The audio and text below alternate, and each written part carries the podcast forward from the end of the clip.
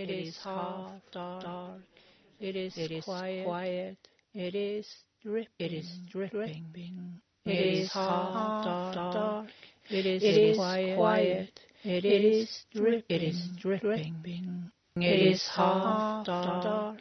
It is quiet. It is quiet. She sits there in a grave under the ground, in the tower, in a cave, in the basement, in a room, shut out and left out of all that she is not allowed to participate in. They say it is to protect her. Outside there are riser, trolls, and men who can dishonor and devour her. They really mean to protect themselves. She's Rapunzel, Danae, Gunnlod, and Ebba. She's a stepdaughter, a farmer's daughter, a royal daughter, a goddaughter, always a daughter. She is young, beautiful, and different, dark, light, blue-eyed, brown-eyed. She has been told not to wrinkle her forehead. She will then have wrinkles early. The father, king, farmer, god, symbolizes a view of the woman as a victim, slave, virgin, incubator, and cleaner. The role of woman has been made under the guise of DNA. Håvamål, verse 105. Gunnlod me gave, gave on the gold chair drink of the mead. I paid her well. She gave me her trust. She gave me her lust. Fair listener, that is what Odin says in a verse from the poem Håvamål. You know the one-eyed god and what did he do with her lust? He let her down. The betrayal, maybe it wasn't a betrayal. It is Gunnlod I'm telling you about. I do not know if you know who she is. She's a giantess, a Jotun woman. She is the daughter of Suttung, Suttung's mead, the skald drink, the drink of poetry. Gunnlod, daughter of Suttung, Suttung, owner of the mead, mead guarded by Gunnlod.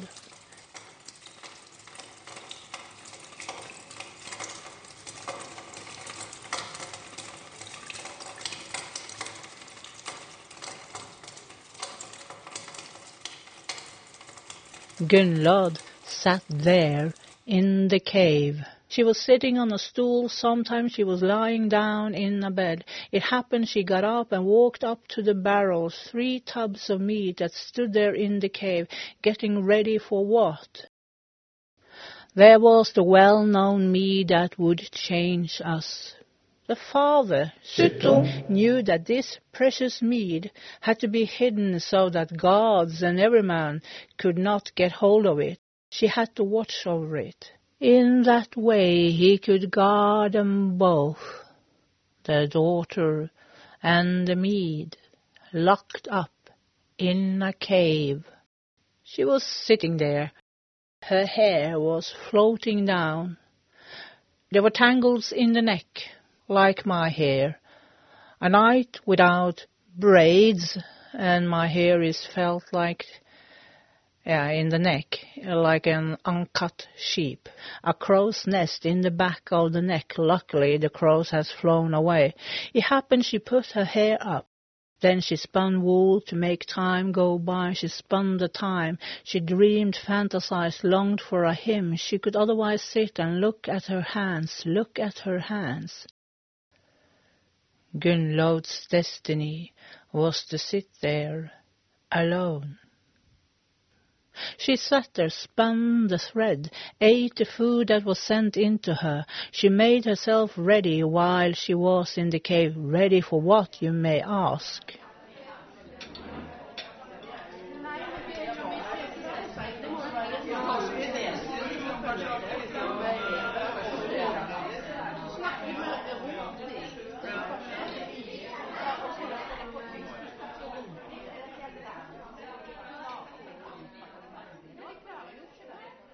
I find myself in a hotel in Tønsberg, a city in Norway, or a place, a region in Norway, maybe it's better to say.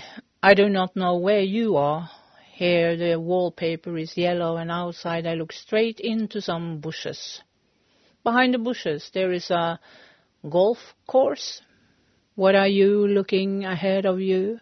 I'm still working with Ebba if you heard a previous episode, you know that Aunt Ebba, aunt of my mother, was born in 1911 and died 2004. Beyond that, we know very little about the life of Ebba. I use other stories to track a story about Ebba. Ebba was discovered in a basement. I'm in a hotel room. It is small, but enough space. My gaze falls on what surrounds me it belongs to a world outside and a world within. Daniel, my oldest son, and I moved from the island where I grew up and to Oslo. One of the places we lived in was a collective at Frogner. Frogner, a better part of Oslo for those who can afford to have a house in Spain. Daniel, who was then four years old, and I got two connecting living rooms to live in. They had windows out toward a narrow street. The windows were high, tall, and gave good visibility and views to us and to those who lived on the other side of the street. On the wall there was a beige wallpaper with pattern. One of the apartments at the top on the other side didn't have curtains. It was at the top and I couldn't look in. I could only see something when those who were in the apartment went over to the very high, tall window and looked out onto the street. And he often did. Yes, he. Occasionally I could see the shadow of him walking around in the apartment on the other side of the street. In addition to him making the apartment special, the apartment was constantly used for uh, movie uh, film recordings. It turned out that W and V owned the apartment. They were a film company. And they made their legendary, I do not really understand what this is about, movies there.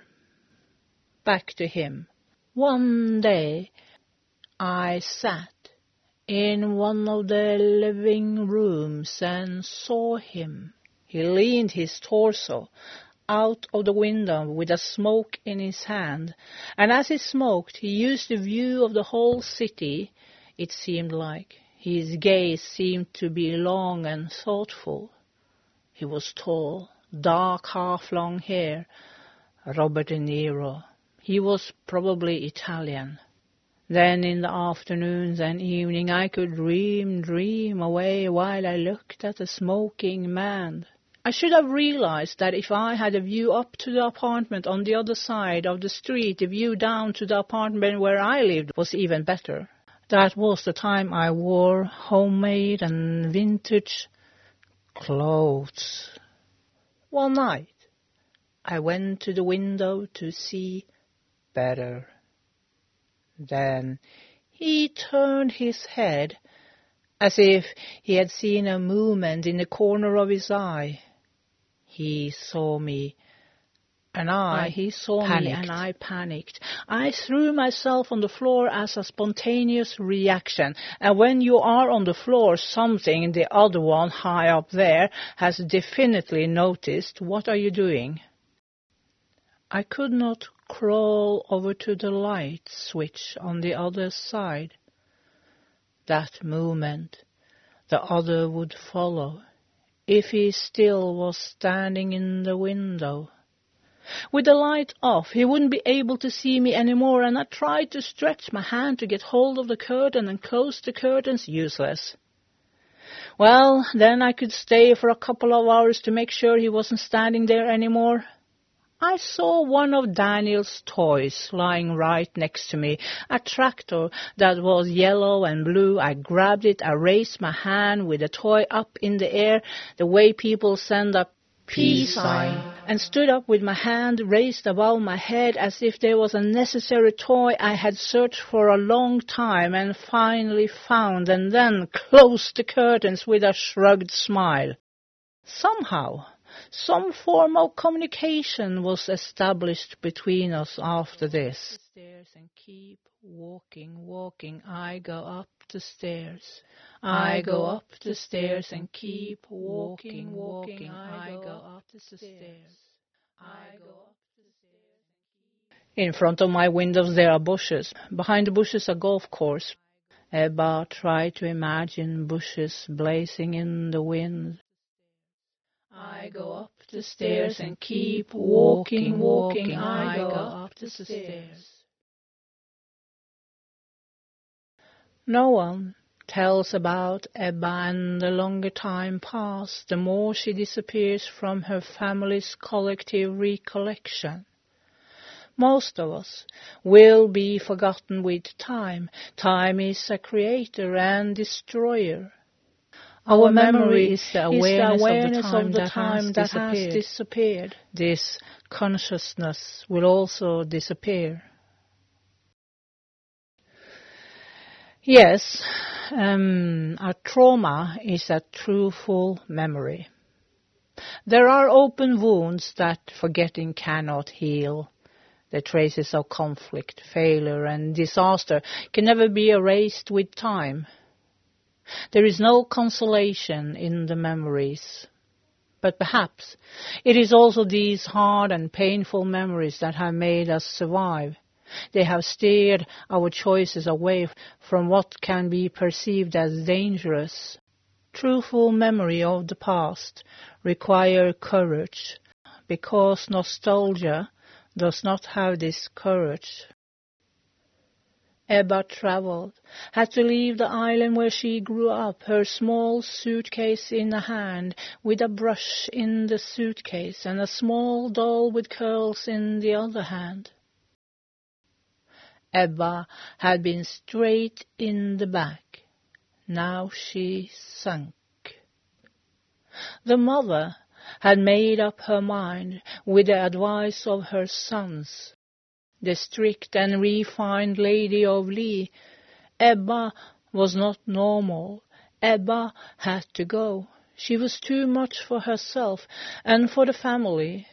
Ebba suffered from what they called ungdomssløvsinn. We're not sure, but we think it means schizophrenia. Ebba was crazy. Then Ebba sunk. Never again would she live on the island. She did not cry. No one cried. We do not cry.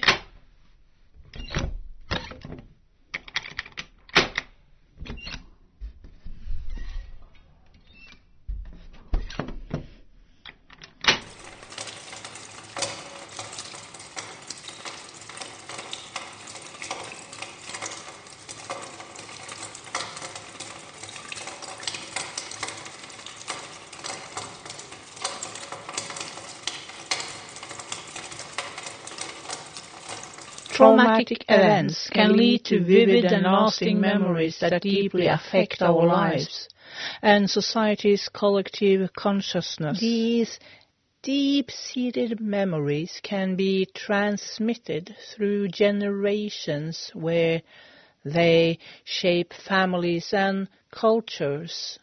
But where are these memories located? Does memory only live in our brains? Formed in our conscious and unconscious minds. When families or communities share their memories, they approach each other. They create a sense of solidarity through remembering together, even if what they remember is traumatic, like a war or an economic disaster. It turns out that trauma probably affects more than the collective or individual memory. It can also affect our development genetically. DNA carries genetic blueprints. Blueprints I have to repeat that, blueprints to create the necessary proteins in our bodies. This DNA has been transmitted over many generations, shaped by evolutionary processes where genes were selected to ensure our ability to survive and reproduce. In this way, our DNA sequences acts as a type of biological memory that records the recent evolution of us. For us, some might say. It has been few generations since Second World War. It turns out that grandchildren of women and men who experienced famine during the war have other health problems than people whose grandparents did not experience famine.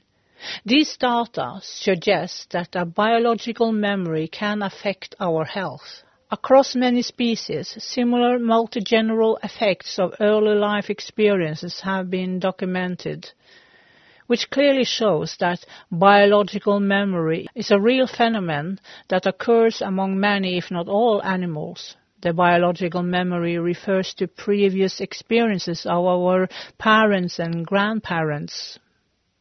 Families are thus bound together by a complex web of shared cells through generations. Our grandmother's pregnancy lays the foundation for a difference generations later. The more we learn about biological memory through studies of epigenetics, the more we realize how profound experiences from our time and even our parents and grandparents and perhaps even further back can affect our lives. I go up the stairs and keep walking, walking. I go up the stairs. I go up the stairs and keep walking, walking. I go up the stairs. I go up the stairs and keep walking, walking. I go up the stairs. I go up the stairs and keep walking, walking. I go up the stairs. I go up the stairs and keep walking, walking. I go up the stairs. In the apartment at Frogner, I was constantly scouting for him. We started to greet each other, waving, making signs that now it was bedtime. We never saw each other down on the street, or was it that I actually couldn't notice him there? Who knows? They're beautiful, dark, and mysterious Italian. After weeks of imaginary communication, I thought it was time to move on. I ripped out a wall of a cardboard box, wrote my phone number on it, and put it in the window. I trusted my interpretation of our imaginary communication and believed that there was something going on. The phone rang.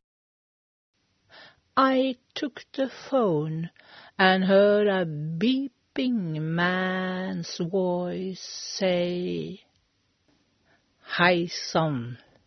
Hi, son. I couldn't understand why a Swedish man called me. I looked out the window and up there he stood with the phone in his hand and waved to me. What? He was Swedish? My heart sunk. I politely replied, Hi, he said, hur mår du? And I got used to the thought that he was Swedish. He was still handsome. He told me about his job at W and We and various other things. And I told him about Daniel and me. He invited me up to the apartment the night after so I could see the the view, bushes that flicker in the, no, it was no bushes there. Have you ever felt really nice? You might answer at a holiday, a graduation, a wedding, a New Year's party. I ask you what were you wearing and you answer. The next night I walked tense and stiff and overdressed out of the apartment, down all the stairs, the stairs, across the street. It was autumn evening and dark, but lit up by street lights. I rang the doorbell downstairs and the door was open opened. I went up all the stairs. I was going to meet a tall, handsome, Swedish man who looked like a young variation of Robert De Niro. Walking, walking, I go up the stairs. I go up the stairs and keep walking, walking. I go up the stairs. I go up the stairs and keep walking, walking. I go up the stairs. I rang the doorbell. I hear tapping steps. Step, step, step. I heard gently small tapping steps inside there. I should have run away down the stairs. You see, some tall windows have a very low window sill, and it does something about the perspective when you see it from below. When the door opened, I looked down at the very smallest man I had ever seen. Our apartment turned into a closed cave. The curtains were, you know, and we stumbled around in darkness. A God is not a God until you worship him. No prayer fell from my mouth. We moved away.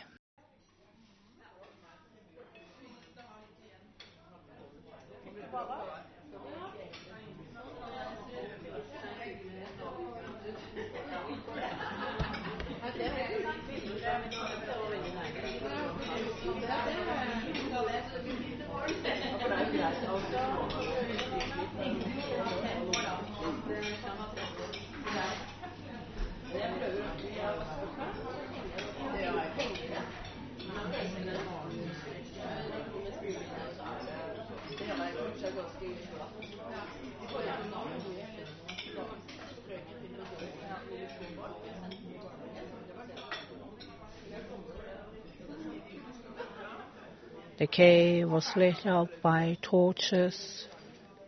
One day Gunnlod jumped. An unaccustomed light, a flash of light that was lost.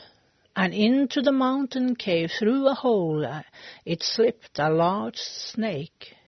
She got up and grabbed something. She got up and grabbed something herself. to defend herself. The snake raised his head, whined out a nondescript sound, and threw off his skin.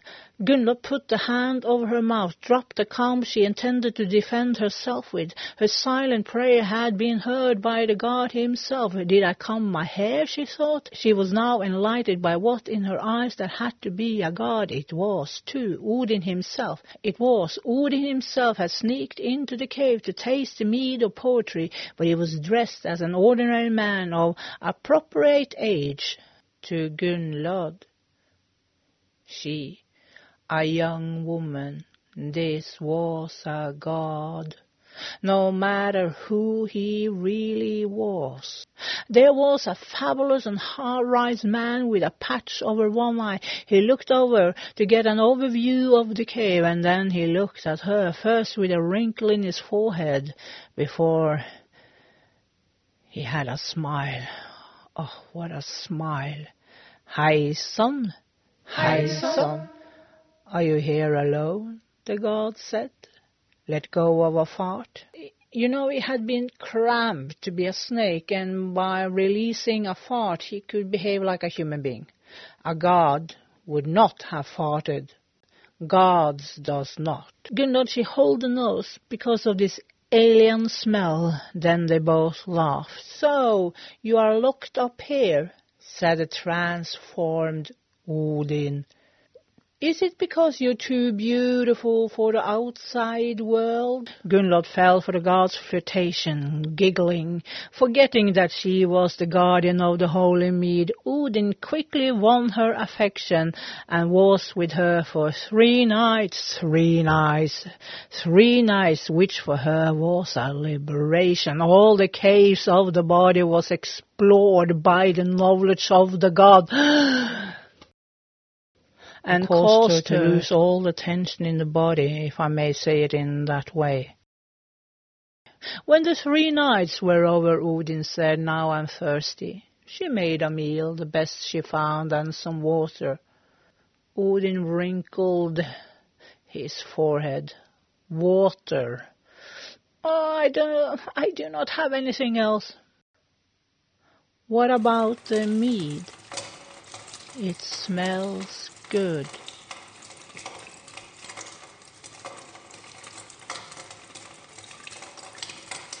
It is not really, you see, it's my, well, you can have a sip of each of the three barrels, just a little tiny sip. My father will not notice that. Odin lifted one barrel and took a sip, which lasted and lasted. And in the first sip, he emptied the barrel, and in the second and the third sip, he emptied the other barrels. And now the mead was in the, let me call it, the cave of Odin. He was filled with mead. He turned into an eagle, the door blew up. Gunnlod saw the big eagle trip through a luminous hole. The light blinded her. The eagle became a dot in the distance. Gunnlod saw the eagle fly away. Her father, Suttung, saw the eagle fly away and followed him. He too was an eagle the gods, Aesir, stood and saw Odin come whining, and they hurried and carried all what they had of barrels and bowls out into the yard. And when Odin flew above, he vomited, puked out the mead down into the bowls and barrels.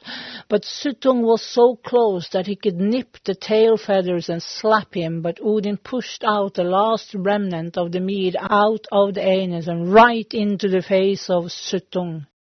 The mead. Odin gave the mead to the poets.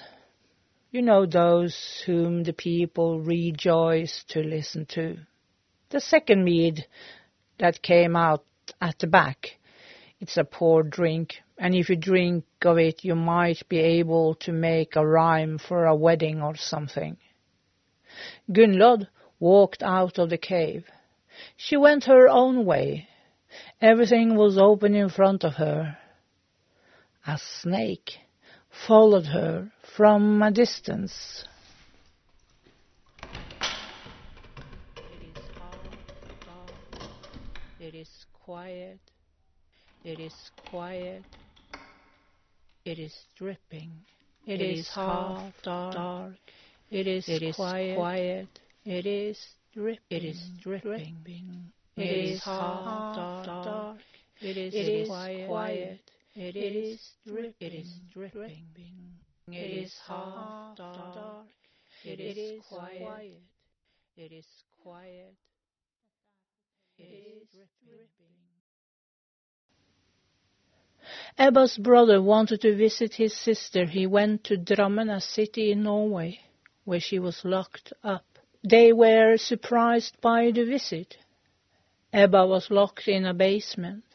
No father had locked her up there, but a family. In front of her, in the basement, she had three boxes of potatoes. Never again would Ebba be free. She would never again be free. Free.